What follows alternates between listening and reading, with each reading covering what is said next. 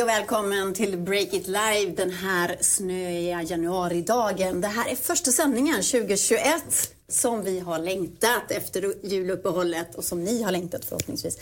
Almi Invest och Nordea är våra sponsorer. Vi sänder som vanligt från Birger i Stockholm. Jag heter Katarina Andersson och här är veckans rubriker. Rätt eller fel av techjättarna att stänga av Trump? Big Tech mot Big Trump. En historisk maktmätning. Här är de hetaste affärerna i det nya näringslivet. Stefan Lundell avslöjar allt som han har grävt fram. Och Louise Sammet lämnade toppjobbet på brittiska Blossom Capital i höstas. Pandemin fick henne att tänka om och byta liv. Vad var det som hände? Hej och välkommen till veckans gäst, Louise Sammet. Hej, tack så mycket. Det är kul att du är här. Bakgrund på Klarna, på Norrsken, på brittiska eh, riskkapitalbolaget Blossom Capital och ängelinvesterare och börsproffs. Så du har mycket på din lista helt enkelt. ja, Jättekul att ha dig här. Tack, jättekul att vara här. Och så ska jag säga välkommen till Breakits första reporter, Stefan Lundell också. Du är den enda, du är den enda och första som kan vara första reporter i världen, så det är trevligt. Ja. ja. men det finns Tack många reportrar där ute på Breakit som flåsar i, i, i Ja, det är liksom. svettigt. Får... men du, eh, jag har inte sett dig på jättelänge. Du har ju varit sjuk i corona, drabbad av pandemin mm. på ett personligt plan? Ja, men faktiskt. Utslagen, vek, ledsen eller vad då? Ja, vek framförallt. Vek. Jag fick en ganska mild variant, men den mm. höll i sig typ 5-6 veckor faktiskt. Så mm. jag bara var på halvfart de sista veckorna. Så det vart, eh, men nu känner man sig som en riktig vinnare. Nu har ju har jag ju de här sköna antikropparna i kroppen. Nu, har du det? Ja. Du har ett sånt pass, typ? Jag har exakt. exakt så jag... jag undrar, vad tror du Louise, att det kommer bli så framöver i vår? Att, att vi skapar någon app eller något pass där de då som har antikroppar får lite mer svängrum i samhället och kanske får gå på krogen. Och eh, du kan gå tillbaka till Rish och sådär då, mm, Stefan, eller mm. Ja, men det är väl trevligt. Jag vet, vad tror du? Ja, eller framförallt för att resa kanske. Mm. Att man mm. behöver visa ett negativt test eller att man har antikroppar eller vaccinerat sig. Mm. Det finns ju bolag som står i startgrupperna och gärna skulle vilja rulla ut en sån här lösning. Men den är ju något kontroversiell. Mm. Man skapar ju ett A-lag och ett B-lag i samhället. Det, det, måste säga, det känns lite grann som, som, som en superkraft faktiskt. Ja. Men faktiskt, man känner sig riktigt sådär... Eh, vi var ju lite grann mot restriktionerna i Åre nu i, i, efter nyår och sådär. Ja. Ja, men det är ändå en extra trygghet måste jag ändå säga. Sen får man ju såklart man följer alla de här, hålla på avstånd och sådär. Men ändå så känns det Du, du tog dig fram i livskön och bara såhär, ursäkta ur vägen, jag har antikroppar. Nej, det var ett protokoll att jag var väldigt noga faktiskt där. Uh. Hörrni, det har hänt en del sen vår senaste sändning då för jul. Och förra veckan, helt historiskt, så eh, var det en mobb av trumpister som eh, stormade kongressen i USA. Nu är Trump ställd för riksrätt för andra gången. Och det som också är väldigt spännande är ju att techjättarna har gått upp mot presidenten. Alltså det här är ju historiskt, alltså som en maktdemonstration av bolag som Facebook och Twitter och nu också YouTube som har stängt av presidenten. Google och Apple har dragit pluggen ur presidentens favoritnätverk, plattformen Parler. Så att det känns historiskt faktiskt. Alltså jag kanske tar i lite för mycket, men jag tycker det här är så otroligt spännande. Att man kan alltså tysta en demokratisk folkvald president. Vad tänker du om det? Ja, fast det är inte riktigt så som de gör. Eh, tycker jag. jag tycker inte de tystar honom. Nej. Utan, eh, han, han försöker använda deras plattform. Mm. De har villkor, regler för att använda eh, den plattformen och visar helt enkelt att Trump inte står över lagen som mm. gäller på deras plattform. Mm. Sen han har möjlighet att kommunicera med media genom att prata med medier eller eh, göra en pressrelease eller vad som helst. Alltså, han, han har ingen rätt mm. att använda privata bolag så som han önskar. Mm. Det är väl egentligen bara det som de visar tycker jag. Härligt. Tänker du på samma sätt, Stefan?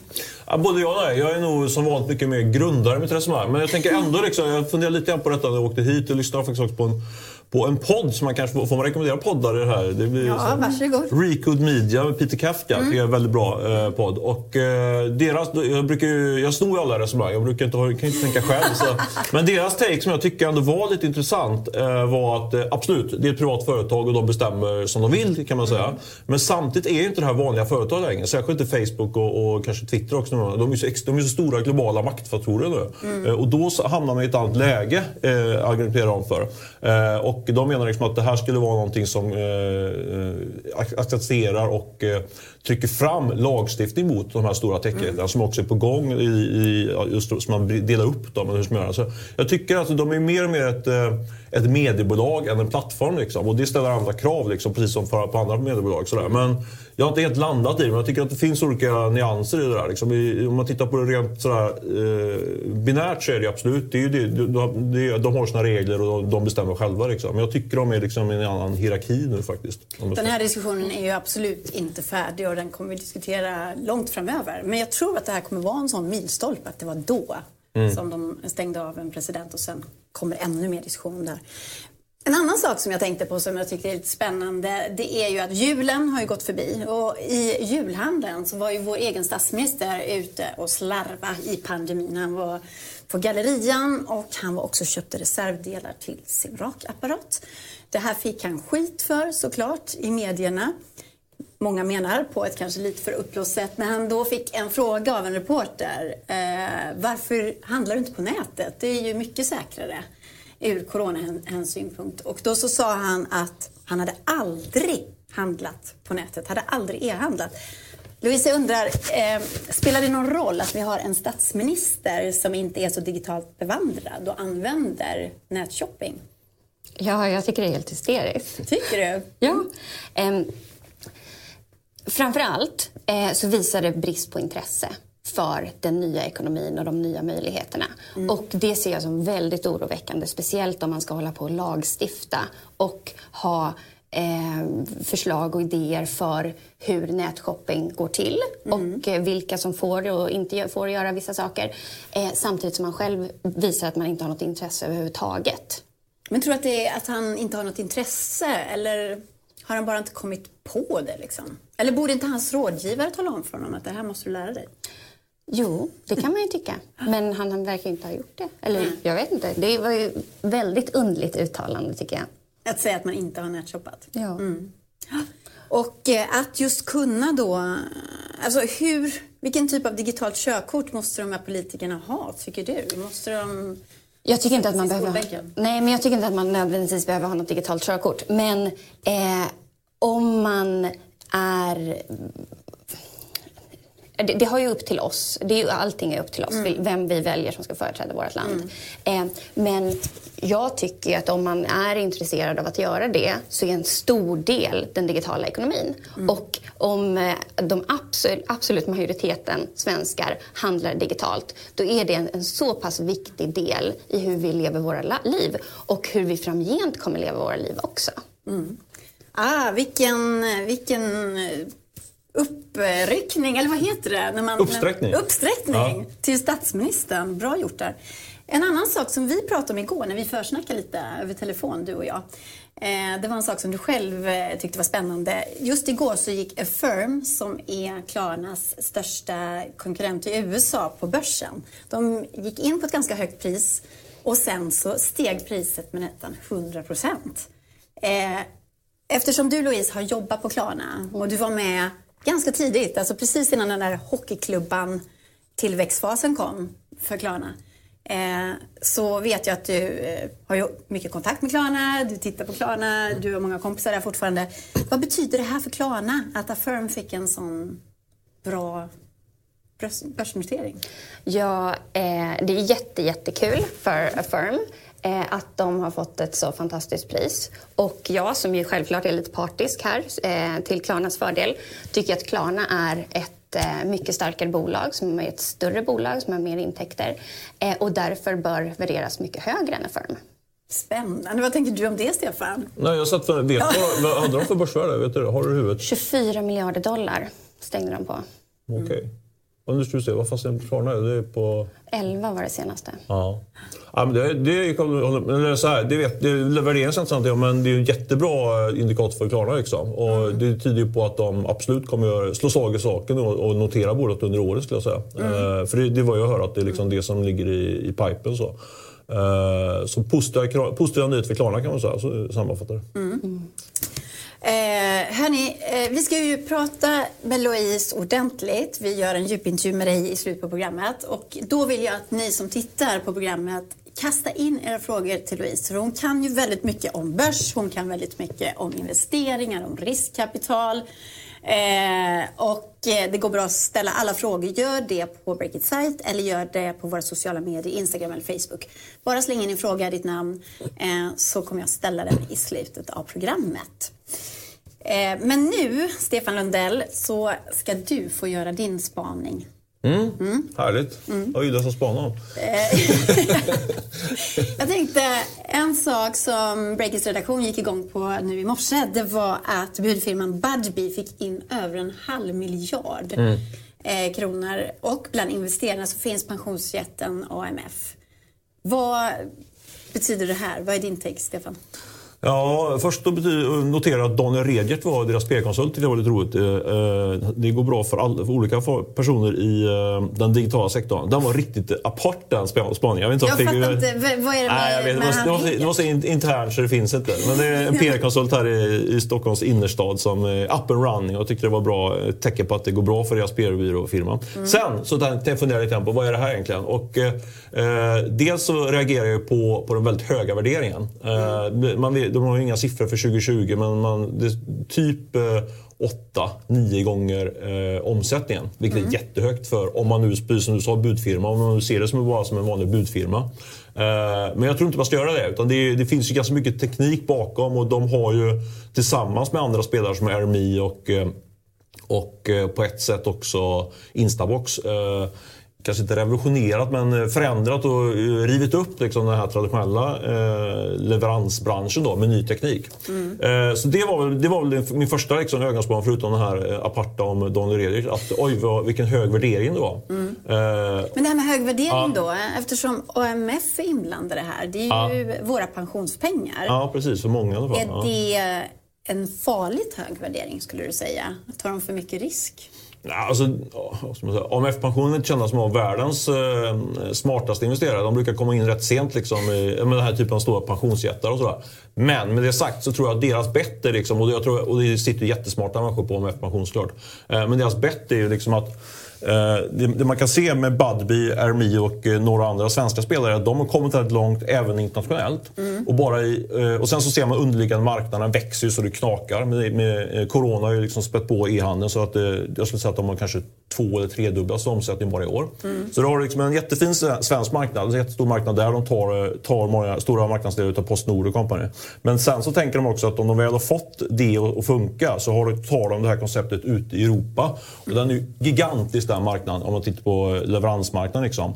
Och konkurrenterna är ju rätt trötta. Liksom. Det är stora statliga postbolag ofta. Ja, Postnord, eh, Postnord likes liksom, ute i, Europa.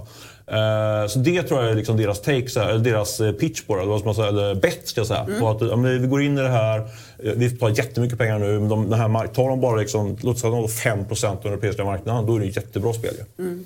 Louise, du som har ett öga för det här med eh, bolag eh, som, som man ska satsa i eller inte låta bli. Vad tänker du eh, om det här? Har du haft dina ögon på den här typen av, av bolag? Ja, ur ett konsumentperspektiv eh, så väljer jag alltid den som levererar snabbast. Mm. Eh, när jag är i kassan och ska göra ett val. Hon är skoningslös. Eh, ja. jag vill ha mina varor fort. Ehm, och eh, eh, vad det gäller värdering så tycker jag att det är alltid bättre att köpa ett fint bolag eh, till en lite högre värdering nu än att försöka hitta någonting som är billigare eller ett billigt alternativ. Ehm, så det är jätte, jättekul för eh, Budbee. Kul för oss pensionssparare också. Mm. Du tror att det är en jättebra investering alltså? Det, det vet jag inte. Eh, men eh, alltså de här eh, eh, pensionsfonderna de har ju en investeringsportfölj. Mm. Och en del av de investeringarna som de gör är med högre risk. Andra är med mindre. Mm. Du, Stefan, det här med Budbee och klass, eh, kassaklirret, mm. eh, det kopplar jag faktiskt till en spaning som du gjorde eh, i höstas som handlar om den brännheta e-handelsbranschen. Och för en gångs skull så var det som du förutspådde rätt. Kors i taket. Ja. Ja. Jag måste fråga Louise, alltså den här mannen, Stefan Lundell, eh, på Breakit, han gör ju ofta sina analyser och kastar ur sig idéer om vad som kommer att hända och sådär. Är det en person man lyssnar på som investerare? Är det någon man läser? Vilken jobbig fråga. ja, men det är klart man läser. Ja. ja. Den där vecka och sådär att Stefan han tror på det här och då, då lägger jag in lite pengar där i. Ja, alltså jag kanske inte skulle fatta investeringsbeslut bara baserat på det. Men eh, jag anser att mer data är bättre mm. Eh, för att fatta beslut och mm. pratar gärna med, när jag ska göra en, göra en investering eller inte, så pratar jag gärna med flera olika personer för att få höra hur de tänker. Mm. För jag vet att jag har inte hela bilden utan jag har ju mitt perspektiv och sen så vill jag gärna dela för att få andras perspektiv och se lite hur de tänker. Mm. Och Stefan, man kan ju säga att du jobbar i investerarnas tjänst här. Du springer omkring på dagarna, du pratar i telefon mm. hela tiden, du tar reda på så mycket du kan. Men just den där spaningen du gjorde i höstas då, vad var det du fick rätt med den? Ja, jag vet man måste göra stor poäng av det, men vi, man försöker alltid hitta ingångar på det man ska prata om. Men, mm. men jag vet inte om man kan se det här i bakgrunden, men jag pekar ut då tio e-handlare som var redo för börsen. Mm. Uh, och det visar sig att flera av dem är nu faktiskt på väg på börsen. Mm. Det mest anmärkningsvärda är, är väl Apotea. Eh, har visserligen inte bekräftat det. Jag pratade med Per Svärdspån faktiskt nu på bara för ett par timmar sedan. Försöker trycka ur honom en, en, eh, en dementi eller en bekräftelse, men det vill han inte göra. Men jag vet att det är så, att de, de eh, håller på att rigga bolaget för börsen. Mm. Och det blir en jättespännande notering. Eh, kanske på 10 miljarder plus. Mm. Eh, som jag tror kommer bli, få stort genomslag liksom, även bland, i småspararleden. Så. Sen eh, Revolution Race pekar ut också, de är på väg och, och de ska mm. också noteras nu under, under året. Och sen tror jag också att Ellos är på gång nu. och lite, om man bara bara ska uppehålla sig där i två meningar så är det lite roliga, intressanta skäl där. Det är deras ägare som är eh, väldigt hårt finansiellt pressade. Eldos mm. går jättebra, men de är... Det... Har de aldrig varit på börsen tidigare? Jag tror de var för typ 20 år sedan någonting. Okay. Sen de hoppas fram och tillbaka med olika riskkapitalbolag. Mm. men nu är liksom det, den, det ägarkonstellationen, de ligger riktigt illa ute. Eh, så de kommer nog pressas och, och, trycka ut det på börsen. Och det, kommer, det, det går ju bra för Eldos, så det kommer nog med bra värderingar också. Mm. Så tre stycken av de här tio är på gång. Jag skulle säga att eh, jag tittar, jag tror nog fem, sex kanske som är på riktigt på gång utav de där tio. Mm. Hälften rätt ungefär. Ja. Hälften rätt. Eh, men då känns det ju som... Varför, gör, varför görs det så många affärer just nu? Ja, men, vi pratade lite grann om det här tidigare du och jag. I, är det här liksom en nyhet att plocka upp igen? Liksom? För det, mm. det har ju varit hett länge. Mm. Men, jag, eh, men orsak, i korthet varför det är hett då, det är ju liksom att eh, dels har ju, det, har ju corona på något sätt eh, eh snabbspolat framtiden i e-handelsbranschen med två, tre år kanske. Så det är liksom bara skjutit fram det. Eh, och, då, och då låg det ju i i eh, korten för många av de här bolagen. Alltså inom en två treårsperiod ska man ta in mer kapital, man ska mm. bygga ett si och så stort bolag och sen sätta börsen. Men nu blir det liksom en snabbspolning till den framtiden. Så nu händer jättemycket på, på kort tid. Mm. Så det är en orsak. Eh, det andra, alltså det som ligger som en fond över allting också, det är liksom den här lågräntemiljön som vi har haft i hela världen under, under många, många år nu faktiskt. Mm. Och alla tror att det kommer vara så, eh, låt säga på två, tre års sikt åtminstone. Och då jagar investerarna eh, avkastning. Eh, går inte att lägga pengar på banken eller obligationer. Då går man på börsen i första läget mm. Eh, och så jagar man eh, case som kan ge någon form av lite högre avkastning. Och då, ja, då dyker Apotea och den typen av spelare upp som är liksom snabbväxer upp. Så det blir, då spär det över på dem också. Liksom. Så det är väl orsaken. Men jag skulle bara, bara fånga upp det. Varför tjatar vi om det här hela tiden? Liksom? För det är något som har hänt. Men mm. det, det accelererar, blir mer och mer hetare och hetare marknad. Skulle säga. Och det påverkar många av våra kärnläsare. För det, eh, ska jag sälja mitt bolag, ska jag ta in kapital? Ska, alltså det är en viktig del av eh, vardagen tycker jag, som, som man ska mm. ha koll på och verkligen lyfta. Liksom. Så det är därför jag tycker att det är relevant att snacka om det lite grann titt som tätt. Mm. Vad betyder det här för investerare, Louise, du som har dina tentakler ute. Alltså, är det någonting som att, blir man stressad av den här jättesnabba utvecklingen? Eller är det stor fest? Ja, det beror nog på vad man har investerat i. Men jag som länge har haft liksom fokuserat på bolag som leder digitaliseringen har ju haft en fantastisk aktieportfölj det här eller förra året som liksom har eh, utvecklats något makalöst ehm, för att allting har hänt så mycket fortare än vad man hade förväntat sig tidigare. Eh, sen lågränteklimatet och den verklighet vi lever i just nu gör att det finns väldigt, väldigt mycket kapital i alla led egentligen som letar avkastning. Och det gör att det, det skapas nya fonder. Eh, det är fler och fler som ängelinvesterar. Eh, det, man, man, letar liksom riktigt, riktigt hög avkastning där den kan finnas. Mm. Och där är ju liksom, vad heter det? Det ju inte AP-fonden utan vilka var det som gick in i... AMF. AMF, ja precis. De är ju typexempel på en sån som tidigare inte gjort den typen av noteringar, eller investeringar i onoterade bolag. De är ganska aktiva där nu. Liksom. Mm. De är, jag inte missminner mig, så är de ju stora ägare Apotea också. Eh, så det, det är liksom ett tecken på det här, att kapitalet jagar liksom den här avkastningen. Då. Mm. Men du, om du ska spå lite framåt nu då? Mm. Du hade ganska rätt där då. Eh... Ja, precis. Du var, hade ju en aggressiv ingress där på att det skulle komma många. Men faktum är att det finns ganska många spännande case där ute. Och, det, vi pratade om det också tidigare innan jag gjorde den här 10-listan. Det är ganska tjatigt när jag sitter och rabblar bolag här. Så jag ska mm. försöka ganska fort, men det är ändå rätt kul mm. bolag. Så, så ett bolag, om, om jag ska dra nu. Vi kan väl titta på din fina spännande lista här. Liksom liksom, som jag skrivit. Det ser ut som en treåring har plitat Ja, precis. Det är Kurt Olsson som vi brukar säga. Uh, nej, så här, uh, om vi tittar på Apotea så mm. tror jag att Apotea kommer dra med sig andra bolag. Alltså, de går mot börsen nu och jag tror, tror man vet att Meds, som är en liten spelare i det segmentet, men mm. är behov av kapital och uh, vad jag förstår så, så, så är ett alternativ att de ska säljas. Så de skulle kunna, jag tror kanske inte notering, men det, men det är ett bolag, de är ju jätteaggressiva med marknadsföring och så nu. Så det är liksom ett, ett sånt case. Corpet Vista, eh, som drivs av en, en väldigt spännande person eh, nere i Malmö som vi kallar för matthandlar, mattkungen på nätet. Just det, honom kommer jag ihåg. Ja, det kommer jag ihåg. Ja. precis. Jag har haft en hel del kontakt med honom. Mm. Tyvärr minns jag inte namnet nu, jag är så himla dålig på namn. Men eh, ni får googla eller gå in på Breakit eh, och surfa runt några timmar. Carpet Vista heter bolaget. Ja, Carpet Vista. Mm. de är på börsen. Mm. Eh, och sen om jag bara ska droppa snabbt då, så Pricerunner, Peers, Klarna, jag vet inte vad du säger om det. Trustly och Truecaller. Alla mm. de bolagen, det är jättestora bolag som är de sista tre som jag nämnde där. Som ska, som, de ska till börsen. Mm. Uh, och, uh, vad säger du? Klarna, Klarna till börsen i år. Håller du med mig? Men, Klarna kan jag inte riktigt säga någonting om. Nej. Men, Varför men, men, för att jag vet inte. Nej, okay. Uh, men jag, det har inte varit mer fördelaktigt att eh, vara på börsen tidigare. Tidigare så har man kanske velat ta in privat kapital för då har man inte samma kvartalshets mm. och kan jobba mer eh, ostört.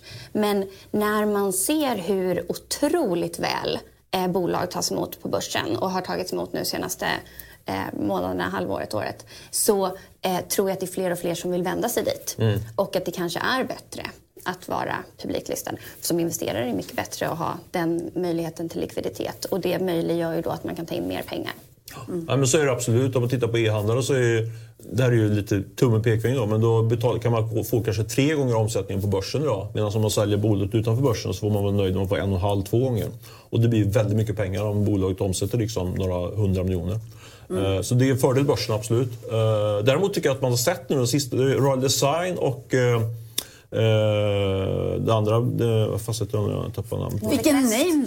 Ja, just det, Nordic Nest, ja precis. Det är två e-handelsbolag eh, som faktiskt såldes nu precis innan jul eh, utanför börsen. Mm. Lite väldigt intressant. Det var eh, Bygg Hemma, då, eller BHG Group, de köpte ju ena, den ena delen där. Liksom. Mm. Det, så det var lite om, man får se lite grann just om, om, det är alltid en kamp mellan börsen och utanför börsen. Var får man bäst betalt liksom? Och förut har det verkligen varit så att börsen legat jättemycket högre. Men jag tror ändå att det har kommit ikapp lite grann, eh, privata marknaden. Håller du med mig? Vad tror du?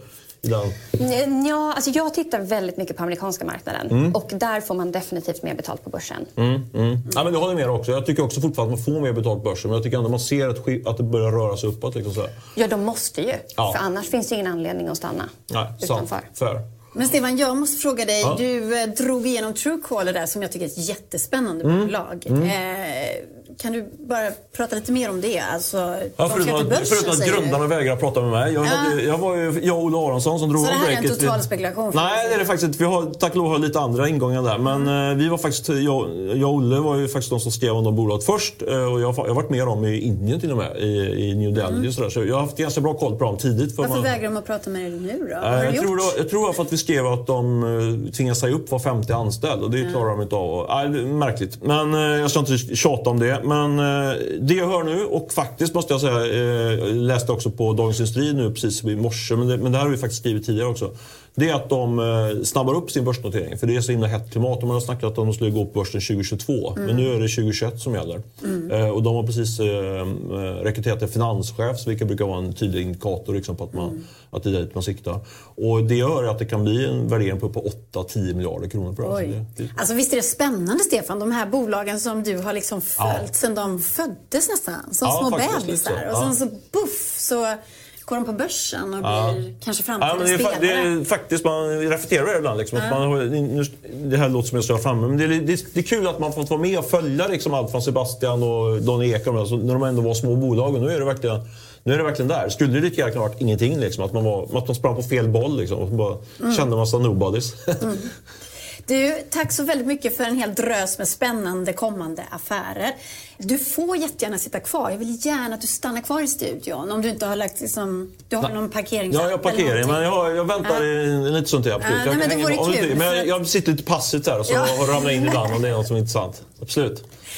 Hörni, vi ska gå vidare i programmet och nu så ska det handla om att skala upp globalt. Det ska handla om valutatrubbel och det ska handla om hur Spotify sparar en himla massa pengar på en valutarobot.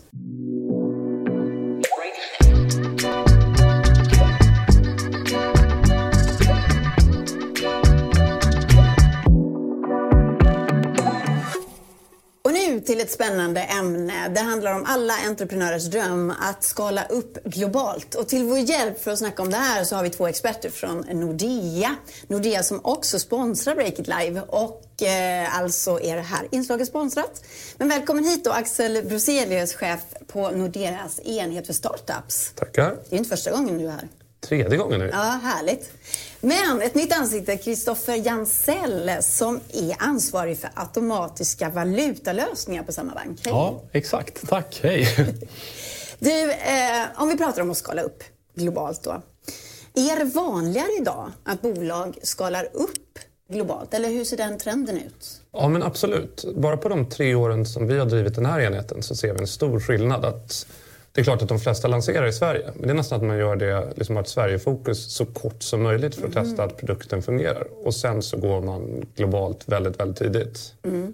Hur gjorde man förr då menar du? Att då var man mer eh, bunden till de här geografiska eh, området? Ja, då skulle man liksom hitta, verkligen hitta och uttömma den svenska marknaden och bygga en stor organisation. Och sen försöker man göra samma resa kanske i sina nordiska grannländer och sprider liksom väldigt linjärt. Nu ser vi att när man väl hittar någonting som funkar då sätter man sig vid ritbordet och hittar de marknaderna globalt där man tror att det här fungerar bäst. Det kan vara Sverige, sen direkt till Indien eller Sydkorea. Det är inte nödvändigt att det liksom växer ut sådär. Så det var som ett virus innan? Alltså att det Ja, gick så här som precis. Ett, vi har ju pratat så mycket om corona det här året. Så, och nu är det mer pang boom liksom. Så kan man gå direkt till en marknad som kanske ligger ganska långt från den svenska kulturen och språket och Exakt. allting. Och det handlar ju både om att kunna gå på större marknader men också att nu när vi ser mycket mer nischade startups så kan det vara att man, ens produkt fungerar mycket bättre i en annan kultur eller i en annan marknadsdynamik. I vissa fall har vi sett ett jättespännande exempel på det med Truecaller eller Grace Health eller eh,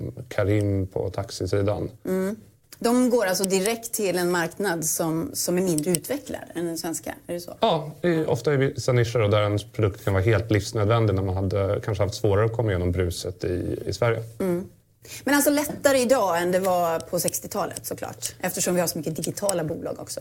Ja, men exakt. Jag tror både att det är produkter och lösningar som inte kräver så mycket infrastruktur men också att det finns helt andra verktyg för att bygga nätverk och för att sälja internationellt. Framförallt så slipper man ju frakta de här produkterna på gamla lastbilar också. Det kan vara rätt skönt. Det är en stor fördel.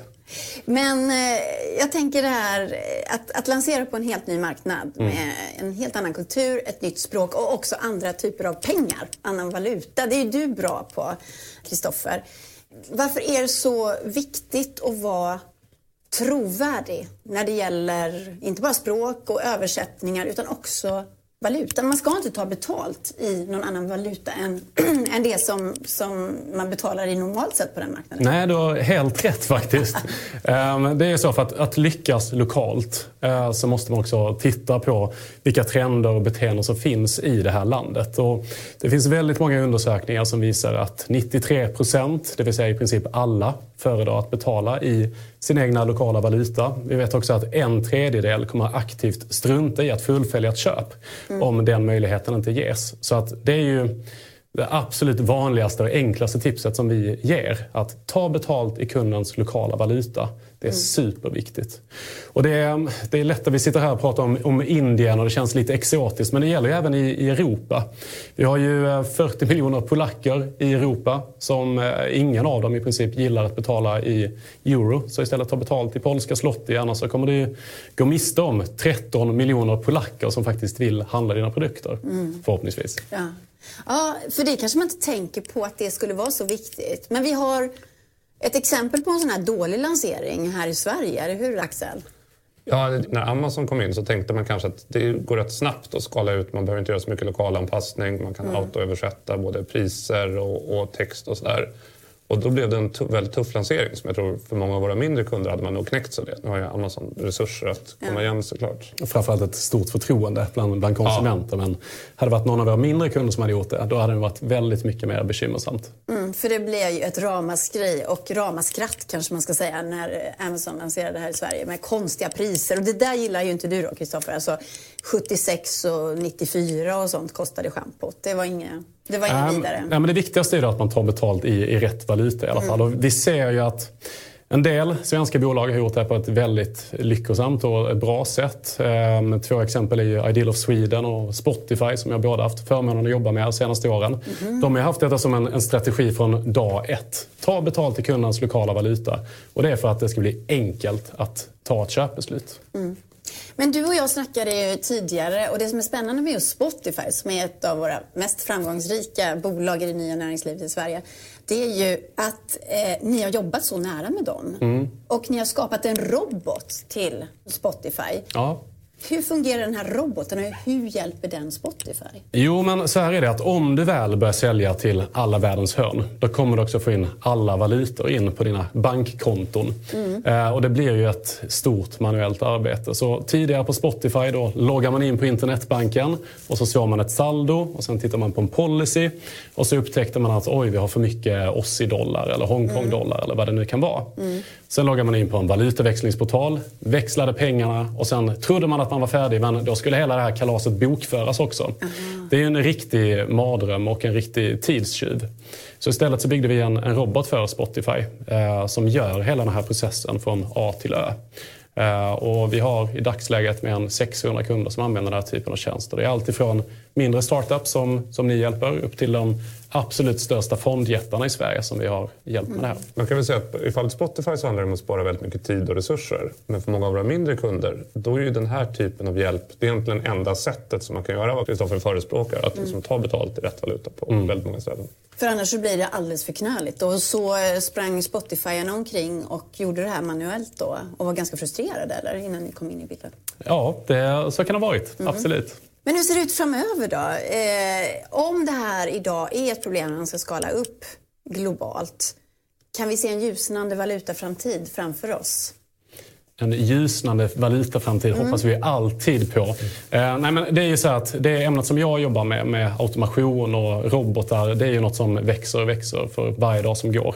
Och det gör ju också att den här huvudvärken och den här ångesten över valuta, den, den minskar också för varje dag som går. Mm. Eh, många av era läsare är ju techbolag med väldigt mycket IT-kunskap och vi ser en trend att den typen av techbolag, de gör ju aldrig det här manuellt längre utan man, man kopplar upp sig mot valuta-API, mm. bygger in detta i sin core-plattform och sen så sköts det helt automatiskt då får du ingen ångest över det här och du behöver inte ha någon huvudvärk utan allting går automatiskt. Så det, det, skulle jag absolut säga att framtiden ser ljus och väldigt, väldigt spännande ut. Mm. Och du Axel som möter alla de här startupbolagen då på Nordea, eh, är det här en huvudvärk som det alltså finns en lösning på? Jag tror att för en del bolag som är lite mognare så känner man till den här huvudvärken och då är, då är det en perfekt lösning. Sen finns det väl en del fällor också. Precis som Kristoffer nämner så vill man automatisera och göra rätt från dag ett. Där ser vi en del exempel på att man går på en lösning som gör att man snabbt kan... Det finns en del off the shelf-produkter som man väldigt snabbt kan ta betalt i många valutor. Mm. Men som blir otroligt dyra. Så där har vi sett exempel på bolag som vi har trott varit olönsamma. Men det visar sig bero på att de betalar kanske 10% eller 5 växlingsavgifter. Så där tror jag också är en jättedel att adressera. Mm. Mm. Just det. Alltså de här dolda avgifterna som finns i tjänster som till exempel Paypal. Eh, varför är inte protesterna från entreprenörerna högre? Ja, men det är ju precis som Axel säger, det är ett snabbt sätt att komma ut på en marknad och ofta är det ju väldigt viktigt om man har en global strategi och man är väldigt, väldigt liten. Då vill man att det ska sköta sig själv och vara snyggt, enkelt och snabbt. Men eh, i takt med att man växer så är det ju så att om du låter de här aktörerna växla de här pengarna till dig mm. så kommer du också betala bort väldigt, väldigt mycket. Um, och anledningen till att eller som svar på frågan då, varför fler inte protesterar, så vet vi att det beror väldigt mycket på okunskap. Det finns i princip ingen information om det här ute på marknaden. Ehm, det är en, en del aktörer då som skriver att de växlar till ett konkurrenskraftigt pris, mm. vad det nu innebär. Mm. Medan Paypal, som du själv tog upp, de, de, skriver faktiskt aktivt ut att de tar över 4% i valutaväxlingsavgift. Mm. Dolt i en sämre kurs. Utöver de här transaktionsavgifterna då. Och vi alla vet ju vad 4 på, på sista raden kan göra på en, en värdering eller det kan bli att man, man får ta ett lån istället. Det kan ju vara en jättestor skillnad. Hörni, tusen tack för att ni kom hit. Det här tycker jag är ett otroligt spännande ämne. Det känns som att vi skulle kunna mata det mycket mer. Hitta fler vinklar på det här med valutor. Jättespännande. Så tack så mycket Axel Bruselius och Kristoffer eh, Jansell från Nordea.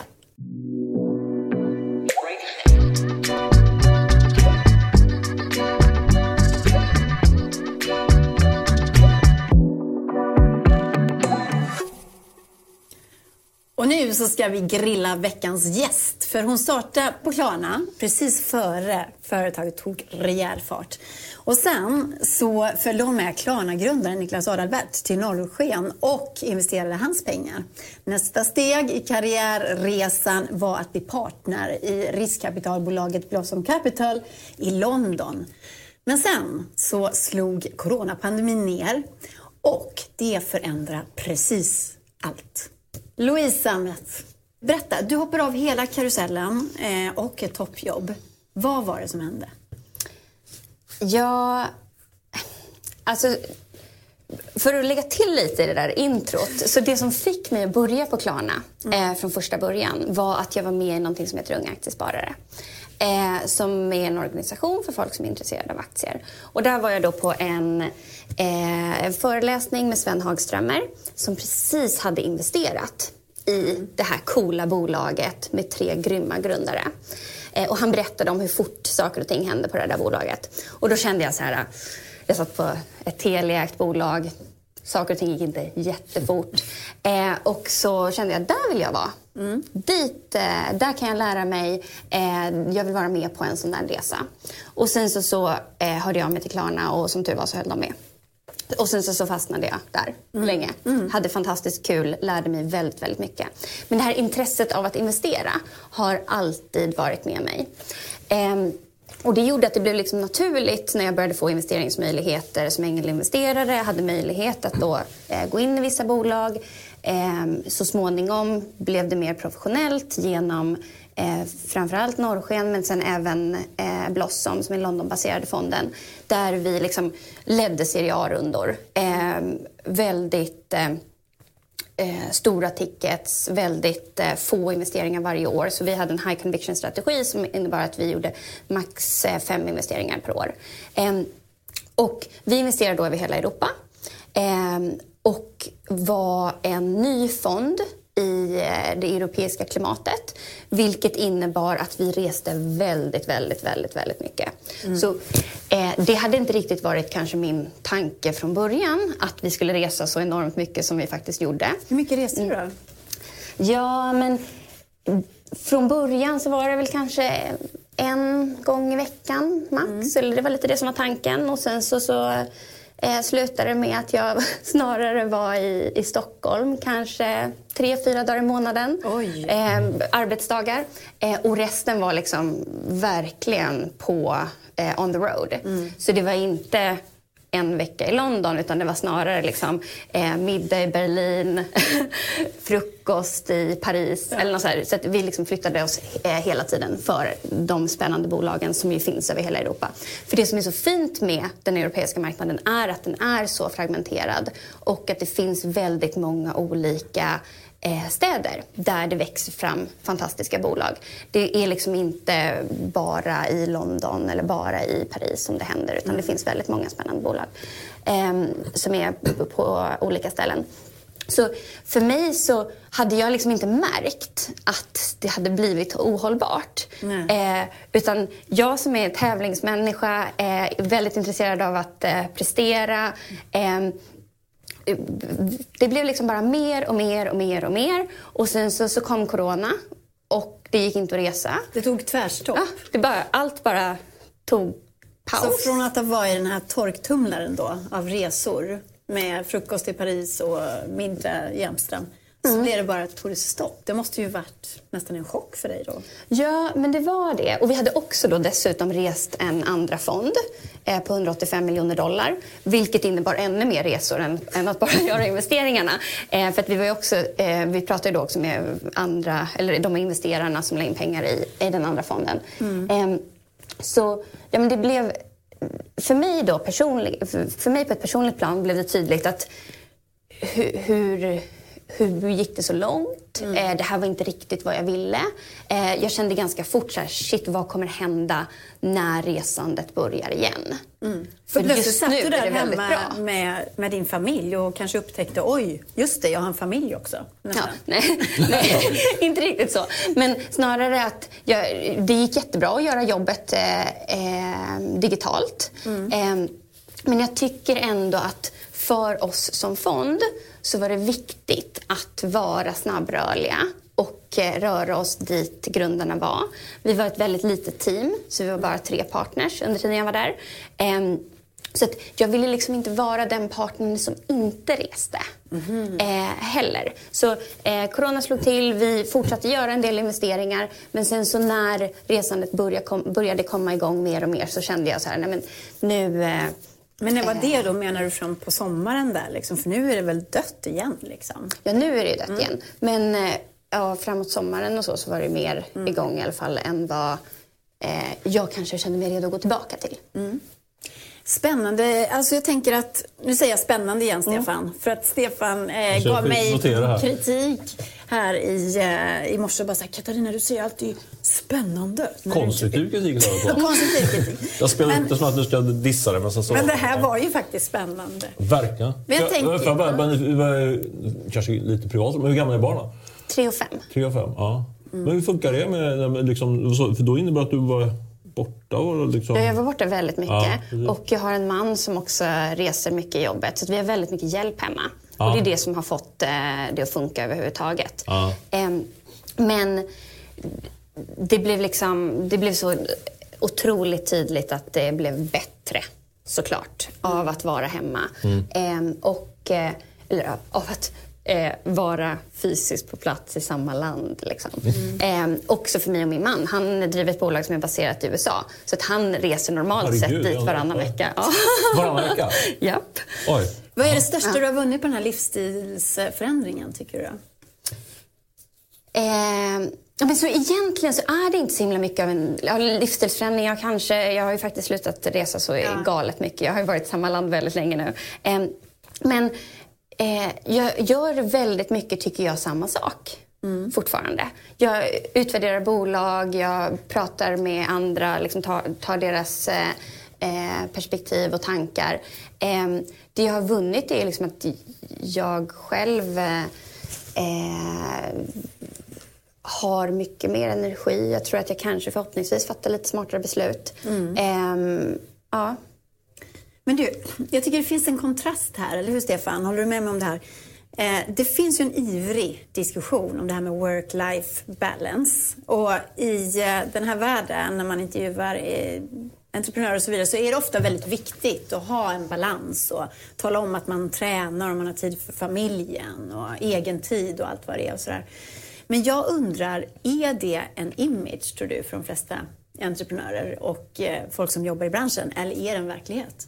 Att man faktiskt har det? Alltså jag vet inte. Jag tror att eh, det, det är väldigt, väldigt svårt. För när man är intresserad av någonting och verkligen vill göra någonting. Jag tycker att det är jättesvårt att ha en sån här balans.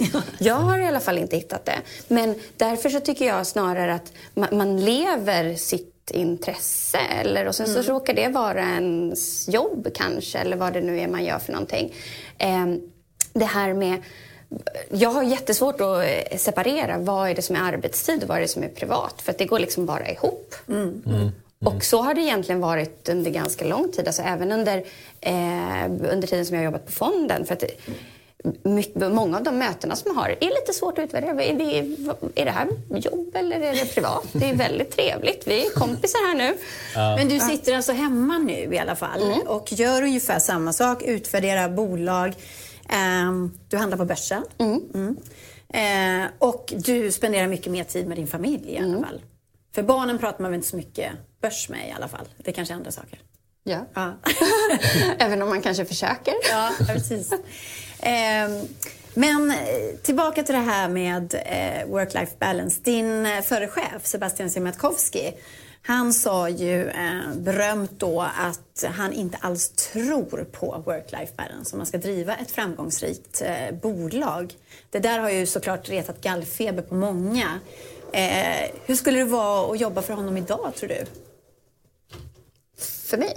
Eller, Eh, Skulle ja, ni komma överens då? Om du vill ha det här mer work-life balance? Fast jag säger inte att jag vill ha work-life balance. utan jag säger att jag lever eh, vad det är jag gör för någonting. Och sen så, så eh, är det... Alltså, jag har svårt att separera vad som är arbetstid och vad som är privattid. För mig är det viktigt att ha flexibilitet. Om jag tittar på hur mycket som jag liksom jobbar så är det fortfarande mycket. Alltså, det är, jag håller med om att det är väldigt svårt att driva ett framgångsrikt bolag och tro att man kan ha någon work-life balance. För att, den, för att den, eh, det intresset som man har behöver vara så starkt. Och det måste finnas någonting som driver en för att verkligen vilja göra det. Sen så, så tror jag att det är jätteviktigt att hitta tid för eh, avkoppling och eh, reflektion för att, kunna fatta vikt, eller för att kunna fatta rätt beslut.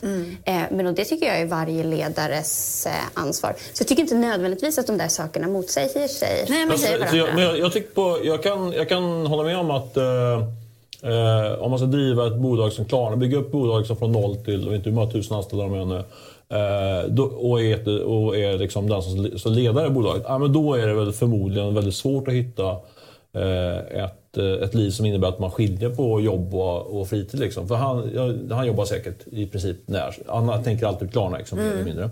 Men eh, däremot så tror jag, och det, det kanske, kanske jag har fel, men jag, jag tänker Verkligen inga jämförelser mellan breaket och Klarna. Det är oerhört mycket mindre. så. Men, men eh, när vi drog igång breaket så sa vi att eh, vi ska, på breaket ska man jobba åtta timmar eh, koncentrerat och hårt. Liksom. Men sen ska man ha möjlighet att gå hem. Liksom. Det är inte så, för jag har varit på andra startups där det varit, eh, jobbat liksom, på riktigt 48 timmar på raken. Liksom. Verkligen så här, liksom. då, och sen, men, men då innebar det att man, man visste att man skulle jobba så mycket. Det var inte varje dag när man hade deadlines så. Men när man visste att man skulle jobba, vara på jobbet fram till nio på kvällen i alla fall. Då, då rullade man in vid nio på morgonen. Och det var inte samma intensitet. Liksom. Nej. Men nu börjar, nu börjar ju projektet, de flesta, flera operationer klockan sju. Liksom. Men då kan man också logga ut vid tre, halv fyra. Så det tycker jag, jag, jag tror absolut det går att bygga ett företag, eh, ett framgångsrikt företag på, på att man ska, kan ha den kombinationen. Helt enkelt för att det är krasst att jag tror att man inte som människa kan vara effektiv och högpresterande mer än kanske 8-9 timmar per dag. Sen får man gå hem och sova. Här, ja. ja. Men, och det tror jag är... Eh, alltså, jag tror inte alls att folk kan jobba effektivt under väldigt lång tid. Och jag tror att det finns många startups där liksom Facetime är viktigare Mm. än vad man kanske faktiskt levererar.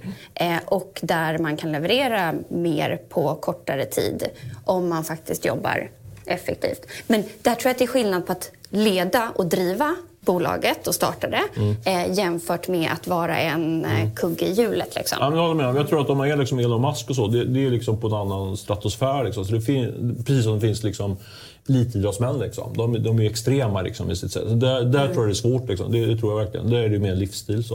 Eh, Men som jag tolkade Sebastian, han sa det, utan det var lite grann att här, här på Klarna är det så. Liksom. Och det, det, det tror inte jag på, men jag kanske har fel.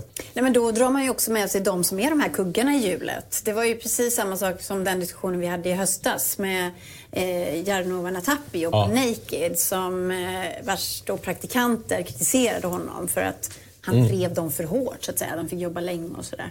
Då var Lena Apler här också så sa hon så här, ah, de är bortskämda millennials. Hon. Ja, precis. Men, men det är också så här, Hjalmar säger liksom att eh, ja, men här kan man, eh, här behöver man inte alls jobba mellan 9 och 5 så att säga. Men, eller bara med 9. Men, men vill, man, vill man göra karriär och verkligen komma fram, ja, men då gäller det att steppa upp och jobba. Alltså, det, det är vad man ser för signaler också så att säga. Så det är, ja, ja, jag.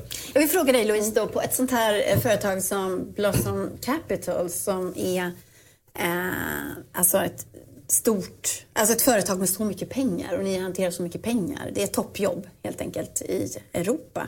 Vad är det för stämning där bland er som jobbar där? Måla bilden för oss liksom. Ja, men jag tror att vi var en ganska speciell fond eh, för att vi jobbade mycket mer tillsammans än vad många andra gör. Eh, så även om eh, vi tittade på bolag tillsammans, eh, hade bra sammanhållning. Så det var, vi var ett väldigt litet team.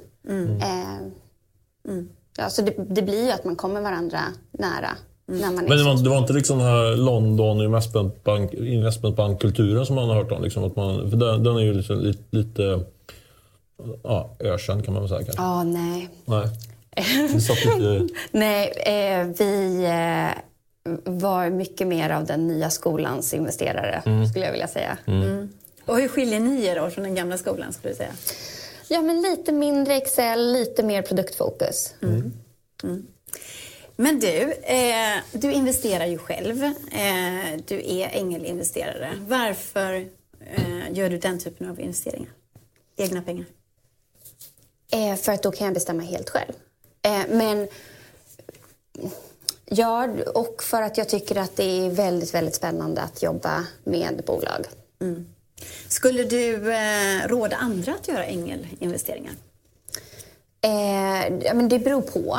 Och det är det ständiga svaret till det mesta.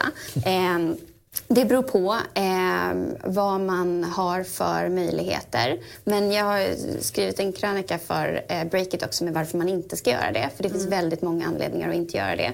Och om man tittar på investeringsklimatet just nu och så som det har sett ut under hösten så har det verkligen funnits en enorm potential i den publika marknaden. Och då är det väldigt, väldigt svårmotiverat att gå in i någonting där det inte finns likviditet. Vilket man måste komma ihåg om man gör ängelinvesteringar. Att det, man måste verkligen räkna med att bli av med de pengarna. Jaha, men, men varför gör du det ändå då? Fastän du inte tjänar några pengar kanske? Nej, men jag har gjort det i alla fall på grund av de fantastiska investeringsmöjligheterna som jag har fått. Så jag har liksom inte kunnat säga nej för att det har varit för bra möjligheter.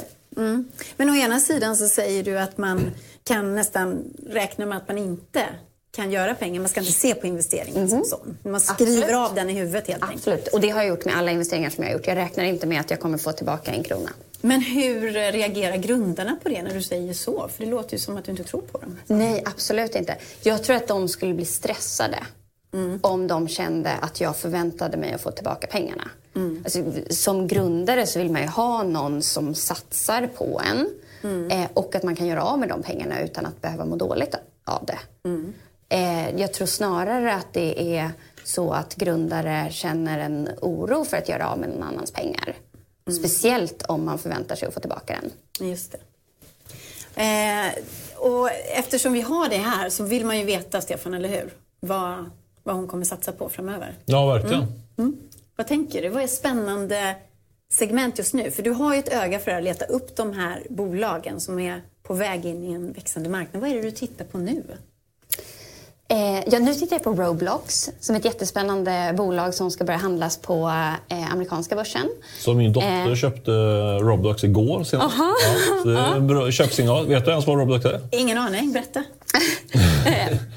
Nej, men det är ett jättepopulärt eh, spel. Jaha. En hel Superpopulärt. värld kan man säga va? Eller liksom Som en plattform nästan. Man kan bygga olika spel. Och Precis, lite mer som Minecraft eh, som är så populärt att man har, verkligen har möjlighet att eh, skapa en egen värld och sådär. Och varför just det bolaget? För det är ett bolag som kommer pu- publikt. Ja. Så att jag då som framförallt har fokuserat på den eh, publika marknaden just nu tittar på de bolagen som kommer in. Eh, Hur gör du? Får jag avbryta bara? För du, du, jag antar att det är, så, det är en jätteny emission som de styr in. Liksom, så du, du, du kommer inte kunna få eh, kunna teckna dig i de här. Hur, men hur går det till som inom situationen småsparare? Hur får du, hur får du, teck- hur får du andelar utav noteringen? Är det bara att använda sig någonstans och det funkar det? nej, men det funkar inte. Nej, okej. Eh, faktiskt. Nej. Ehm, och eh, det är en anledning till att techfonder går bra eller har liksom, eh, sitt existensberättigande för att de får möjlighet att vara med i de här eh, IPOsarna. I just Roblox fall så kommer de göra en eh, direktlistning. Eh, så att de har tagit in kapital vid sidan av och sen så kommer de bara börja handlas. Så du, du Så tänker då bara första man bara dagen kommer du bara köpa direkt när det dyker upp? Precis. Liksom. Ja, så med Firm till exempel igår, så bara köpa aktier så fort de Köpte du? eh. Japp. Grattis, plus Tack. 100 procent. Ja. Nej, men man får inte till det priset. Nej, men Eh. plus 50 då? Ja, precis. Plus 10 eller vad det Ah, blev. är liksom. okej, ja. Det är Men på pengar en dag. Ja. Ja. Eh, nej, men så jag tittar framför allt på den typen eh, av bolag eh, just nu. Mm. Eh, och då blir det väldigt eh, opportunistiskt beroende på de bolagen som kommer in. Mm. Och det, är ju liksom, det, finns in, det finns en enorm potential för bankers att tjäna pengar i de här IPOsarna som kommer ut. Eftersom att de får ju köpa nu till underpris eftersom att de här prissättningarna inte fungerar. Mm. Eftersom att den publika marknaden värderar mycket högre än vad de gör. Ehm, och det gjorde ju att både Firm och Roblox sköt fram sina IPOs till den här, delen av, till, till den här sidan av årsskiftet istället för att ha eh, gått publikt under december, vilket var deras eh, eh, plan från början. Men så... Men gör du dem just den rent som spekulation då, att de ska gå upp snabbt första dagen? Eller tänker du att Roblox är något du ska äga i fem år? Liksom, Ja, eller? lång, lång, lång sikt. Eh, så om man tittar på...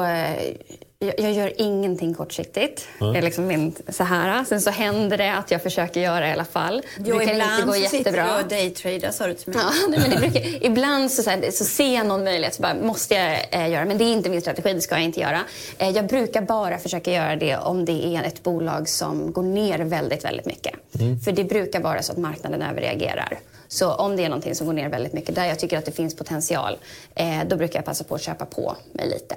Så om man tittar på Unity till exempel, som är ett bolag som eh, började handlas i hösten, så har jag liksom så fort det kommer en dipp köper jag på mig lite till. Ja, Men det är ett väldigt, väldigt fint bolag också. Så den sortens bolag försöker jag hitta. Unity är ett verktyg för att eh, bygga dataspel. Eh, startat i Köpenhamn. Fantastiskt, fantastiskt fint. Så dataspel är ett, dat- liksom det är ett, gaming är liksom ett eh, segment du tycker är spännande. Finns det andra segment som du tycker du... Eh, ja, eh, alltså... Mycket, vad ska man säga? Du, Ja, tycker men- du, om, eh, du tror på eh, bitcoins, eller? Eh, ja, eh, jag tycker att bitcoins är superintressant och jag tycker att det finns en enorm utvecklingsmöjlighet där. Det kan också vara så att det blir noll. Eh, men jag tror att om bitcoin blir brett accepterat då kommer det vara värt otroligt mycket mer än vad det är i dagsläget. Så därför så har det också självklart en plats i min portfölj. Vi ska strax eh, ta in tittarnas frågor. Det har kommit in ganska många. Men jag vill fråga dig så här. Att nu sitter du ju hemma i Stocksund framför datorn och eh, jobbar där och gör din egen grej så att säga. Du är inte bunden till ett bolag. Du jobbar inte på ett riskkapitalbolag eller på Klarna eller Norrsken eller någonstans. Men eh, vad tror du? Är du beredd att gå tillbaka till en, en roll på ett företag eller att starta ditt eget? Alltså det är en jätte, jättebra fråga. Och eh, jag har konstant liksom, såna dialoger och diskussioner.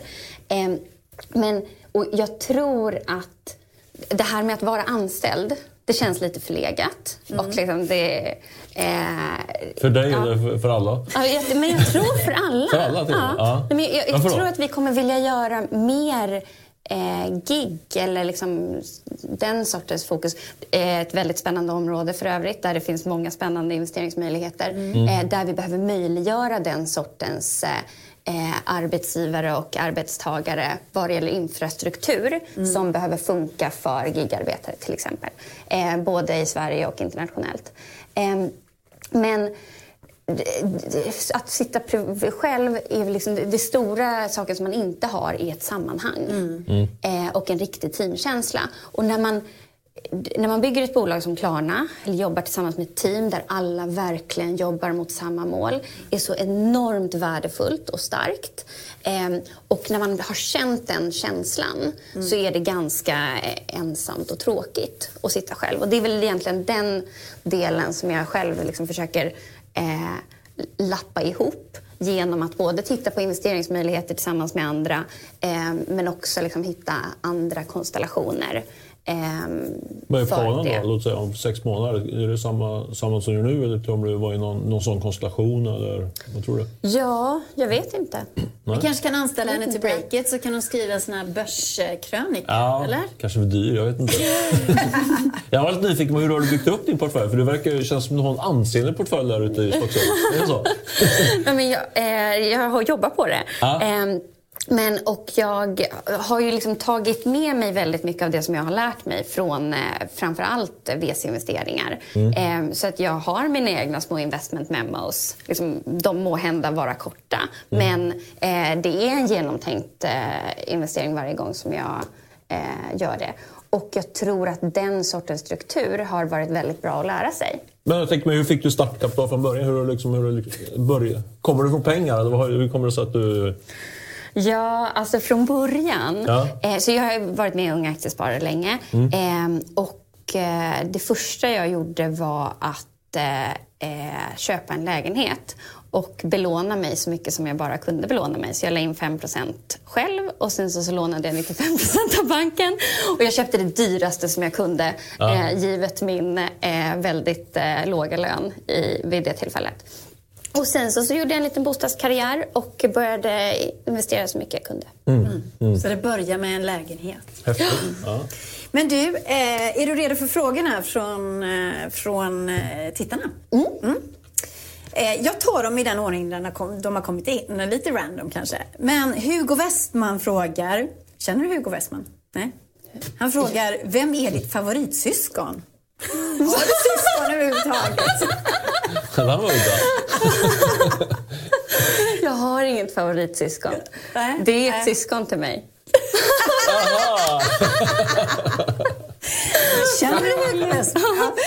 Men jag vet, så här, väldigt konstigt. Han brukar, jag, jag, vi brukar prata aktier tillsammans. Ah, ja. Ja. Men han fick ingen cred där. Eh, Mattias Sundin, det är inte ditt syskon i alla fall. Nej. Nej. Han är väl gammal riksdagsman tror jag för ja. Liberalerna och lite bitcoin-förespråkare. Ja, vi får se vad han frågar nu. Han undrar, var hittar man alla kvinnliga investerare? Ja, vi det låter som att han är ute och letar efter dem. Ja, mm vi har en eh, slackgrupp. Jaha, faktiskt. Mm. Ska ni släppa in Mattias där då? Hur många är det i den gruppen ungefär? Jag vet inte. 10 eller 100? 50 eller? kanske. Ja. Fokuserat på just Sverige och Norden. Mm. Mm. Ja. Vad pratar ni om i den här gruppen? Det är jättespännande. Ja. Är den hemlig den här slackgruppen? Nej, den är inte hemlig. Men vi pratar om investeringsmöjligheter. Vi har en liten eh, kanal för eh, upcoming IPOs, mm. eller liksom bolag som finns publikt. Mm. Vi pratar om eh, rekrytering, lite allt möjligt. Så spännande. Mm. Ja. Ja, det finns många olika Slackgrupper. Alltså, det, eh, det, finns en annan som är fokuserad på fintech. Mm. Mm. mm. Ja. Ja, men så det är ett ställe som man hittar dem på. Eh, men det finns inget fysiskt ställe när det inte är corona där de hänger annars? Nej. Typ ingen sån här pokerklubb eller någonting sånt där? Som, Poker, som... Grundarpoker har du. Ja, grundarpoker mm. heter det. Mm. Ja, där men finns den, den är svår att ta sig in i. Mm. Uh, men där har du blivit investerat genom Gunnar Känner du till Gunnar Du kanske säger vad det är för Men om man vill hitta liksom, eh, kvinnliga investerare, då får man helt enkelt göra sin research och kontakta dem, eller? Ja. Mm. Eh, det, jag tycker de här listorna som eh, ni och andra medier gör kan vara bra att titta på. Eh, för där finns det ofta liksom, ett urval i alla fall som man kan titta på. Eh, men det är nog där man hittar dem. Mm. Eller på LinkedIn eller... Mm. Där fick Mattias svar eh, på sin fråga. Lilly undrar, hur, är det, hur var det att jobba med Sebastian Siemiatkowski? Vad tycker du om hans ledarstil? Eh, för mig var det helt eh, fantastiskt och eh, magiskt att få jobba tillsammans med Sebastian så länge.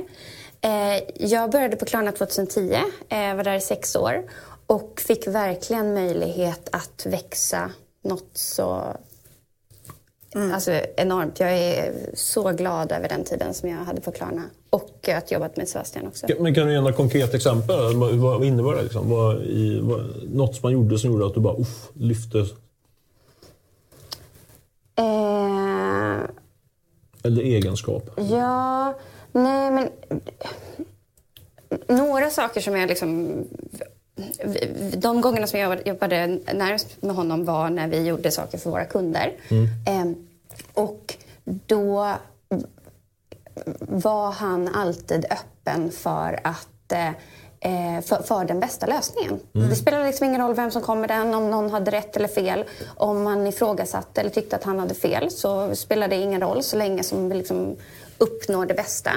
Eh, väldigt liksom, prestigelös eh, ur det perspektivet. Och det tyckte jag var bra. För ofta kan det bli så här eh, när man jobbar i ett bolag som växer snabbt. Nej, men Sebastian sa. Och sen så ska man bara göra det. Och då så kunde jag säga så här, nej men det kan nog inte riktigt stämma. Eh, för nu är det någonting som är tokigt här. Och då eh, kunde det vara så att han eh, menade någonting annat. Eller liksom. Men det finns ju vittnesmål om att han har ett hett temperament och också har blivit arg på folk och så där. Råkade ut för det någon gång, hans, hans temperament? Eh, ja, nej, men jag har nog inte råkat ut för någonting. Eh, eh, men jag, Sebastian har utvecklats enormt mycket som person från eh, 2010 till nu. Jag tycker att det är eh, så imponerande att se. Eh, någon som liksom förbättrar sig själv. På vilket Eh, sätt menar du? Ja, men som att eh, delegera mer, till exempel. Eh, som är någonting som är ganska jobbigt att lära sig. Som jag personligen var tvungen att lära mig. Som jag ser Sebastian har fått lära sig. Som min man, som eh, också är startup-VD, får lära sig. Det är ganska jobbigt. Speciellt när man verkligen, verkligen bryr sig om hur saker levereras. Och då, då tycker jag att det är väldigt imponerande att se att eh, ja, men, hur eh, den utvecklingen skedde under den tiden som jag var på Klarna i alla fall.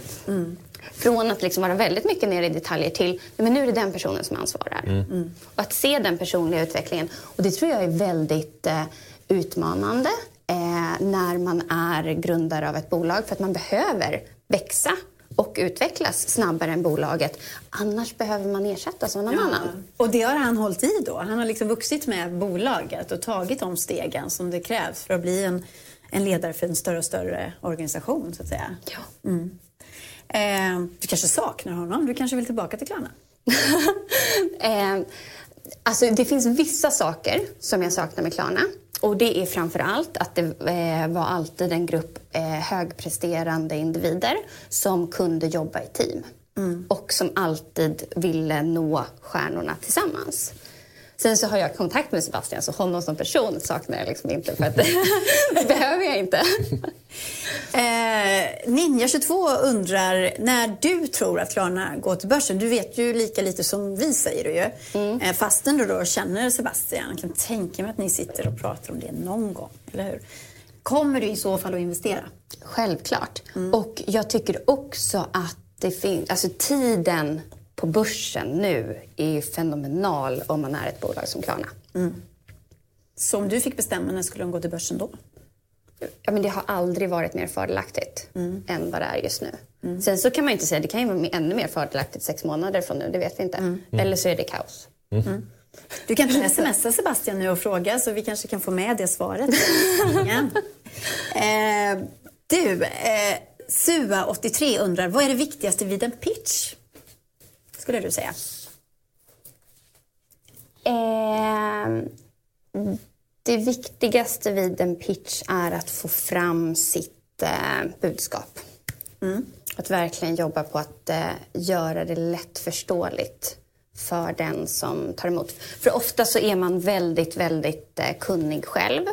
Ehm, och har liksom en historia och en bakgrund. Och bolaget kanske har gått igenom lite olika stadier. Och ofta kanske man vill förklara Allting. alltihopa.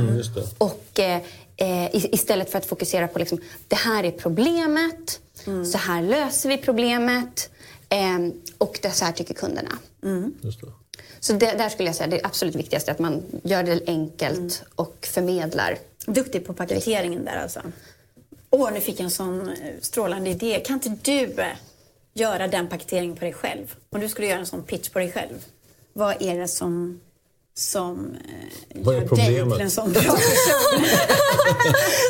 Vill- Som gör mig till en så bra person. Ja, Men, eh, det jag skulle kunna säga är att i dagsläget så är det väldigt svårt att investera i eh, de publika techbolagen som går publikt. Man behöver göra en massa manuellt jobb. Det är komplext. Alltså jag behöver ibland ringa Avanza för bolagen inte finns på deras hemsida. Ehm, och det är komplext att hitta information. Det finns ingen lista på bolag som kommer börja handlas inom kort. Utan det kanske händer den här dagen eller så händer den här dagen. Så det är väldigt svårt att eh, eh, hitta information om vilka bolag som kommer, eh, veta när de kommer, till vilket pris. Eh, och det är då någonting som jag gör. Ja. Ja. Jättekul. Ja, jag Sen så är inte det någon produkt som finns. Nej, men jag kommer gärna ringa och få... Den där surfar jag gärna på. Det, det, det skulle kunna vara breaket, den informationen. Faktiskt. ja. Okej, nästa fråga. Laban Larsson undrar, svår fråga. Vem är Sveriges bästa entreprenör och varför? Vem är Sveriges bästa entreprenör? Alltså jag vet inte. Eh, men Sebastian är alltså klart en av dem. Och eh, Per Svärdson också. Känner du Per också, personligen? Nej, men jag integrerade Adlibris en gång i tiden. Ah. Så vi jobbade tillsammans redan då. Och sen så såklart integrera eh, Apotea också när det var dags för dem. Eh, Lina L undrar, vad tycker du om bitcoin? Har du köpt? Och är det en bubbla? Vi har varit lite inne på det, men det kan du ta. Ja, jag har bitcoin. Och det kan mycket väl vara så att det är en bubbla just nu. Men under lång sikt så tror jag fortfarande att det finns en enorm potential för bitcoin. Så jag försöker titta på riktigt långt perspektiv, alltså vi pratar om flera år. För det kan mycket väl vara så att det kraschar på kort sikt. Eh, men på lång sikt tror, tror jag då fortfarande att det finns potential. Jag köpte bitcoin för 500 spänn en gång i tiden. Men nu vet jag inte hur jag kommer åt dem. För det ligger i Det är min problem. i telefonen. Ja, jag kommer inte ihåg hjälp, det kan vara värt hur mycket som helst det. Det kan det ju inte. Jo, det kan det verkligen. Kan det? Ja, verkligen. Ja, vad bra. Jag måste, jag måste ta reda på hur man Nu gör. sitter, sitter en miljardär här som inte vet. Grillbritt frågar... Eh, Vilka ord. det är någon som hittar på sitt eget namn. Grillbritt, hur börjar man investera i onoterade techbolag? Går det utan kontaktnät? Alltså, det är inte omöjligt utan kontaktnät. Det är inte omöjligt. Men det är troligtvis inte värt den tiden som man lägger in. Jag tycker att om man, om man är intresserad av sånt så kan man börja med att titta på andra eller på publika investmentbolag som gör det. Alltså det finns bolag som Kinnevik, eh, Creades, eh, eh, Vostok New Ventures etc. Som har liksom jättebra team som fokuserar på de sakerna. Och då kan man liksom köpa en aktie och sen så får man en portfölj. Eh, och sen så, så kan man framförallt sälja den aktien om man skulle vilja. Det som är så enormt svårt med de eh, onoterade bolagen är att eh, det finns ingen likviditet. Det är klart att det finns bolag som man kan köpa på Peppins eller andra eh, listor. Men normalt sett så är det väldigt, väldigt svårt att sälja. Så man behöver verkligen räkna med att vara utan de pengarna under en väldigt, väldigt lång tid. Alltså tio år plus. Inte räkna med att få tillbaka pengarna. Steffo undrar, vilka branscher tycker du eh, är hetast just nu? Alltså vi var ju inne på det, du gillar dataspelsbranschen. Men någonting mera? Alltså, jag är ju en liten fintech-nörd. eh, eller ganska mycket. Så jag tycker att det finns enorm potential inom finansiella tjänster. Eh, jag har länge tittat både på eh, olika sätt att eh, betala lön i förskott eller inte. Jag tycker att det är fel att eh, anställda lånar ut pengar till sina arbetsgivare. Ja, I en väldigt hel många månad. fall. Ja, varför då? Det är stora bolaget som har alla pengarna. Ska den anställde behöva låna ut pengar till dem? Nej, Jag tycker det är, liksom, jag tycker det är fel. Jag tycker det borde finnas mycket, mycket fler lösningar eh, för att kunna eh, ha en smooth inkomst. Eh, inom eh, försäkringsbranschen finns det en enorm potential eh, att komma med eh, komma med nya bolag. Det finns bland annat Hedvig i Sverige, med Lemonade som finns på börsen som man kan liksom köpa aktier i om man är intresserad av att göra den typen av investeringar. Eh, men eh, både, både Hedvig och Lemonade är fokuserade på konsumenter. Inom eh, försäkring för företag så är det nästan helt white space. Mm. Det är väldigt, väldigt få som gör det för att det är väldigt komplext. Eh, krävs väldigt mycket pengar, väldigt komplext. Eh, och, eh, men en enorm möjlighet. Mm. Så ja, som, in, eftersom att jag ser väldigt mycket möjligheter inom fintech och försäkringar så tycker jag att det är hett. Mm. Du, eh, vi avslutar med en fråga från mm. Jenny. Din bästa affär hittills? Eh, men så min absolut bästa... Var den där lägenheten vi pratade om kanske? Ja, där det började? Ja, men den eh, är definitivt en av de bästa. Mm. Men jag tror att eh, även om den kanske liksom... Jag, jag, tror att min bästa affär var att eh, gå ner i lön för att börja på Klarna mm. 2010. För det var vad jag gjorde mm. då. Eh, för allt som jag har lärt mig, de kontakterna som jag har byggt, eh, att vara med på den resan, det var nog det absolut bästa jag har gjort. Vilket bra slutord. Mm. Mm. Louise Sammet, tusen tack för att du kom till Break It Live. Tack också Stefan Lundell. Tack för och tack för att ni tittade på oss på Break It Live. Vi är tillbaka nästa torsdag. Det är Nordea och Almi Invest som är våra sponsorer. Så se oss nästa vecka. Hej då!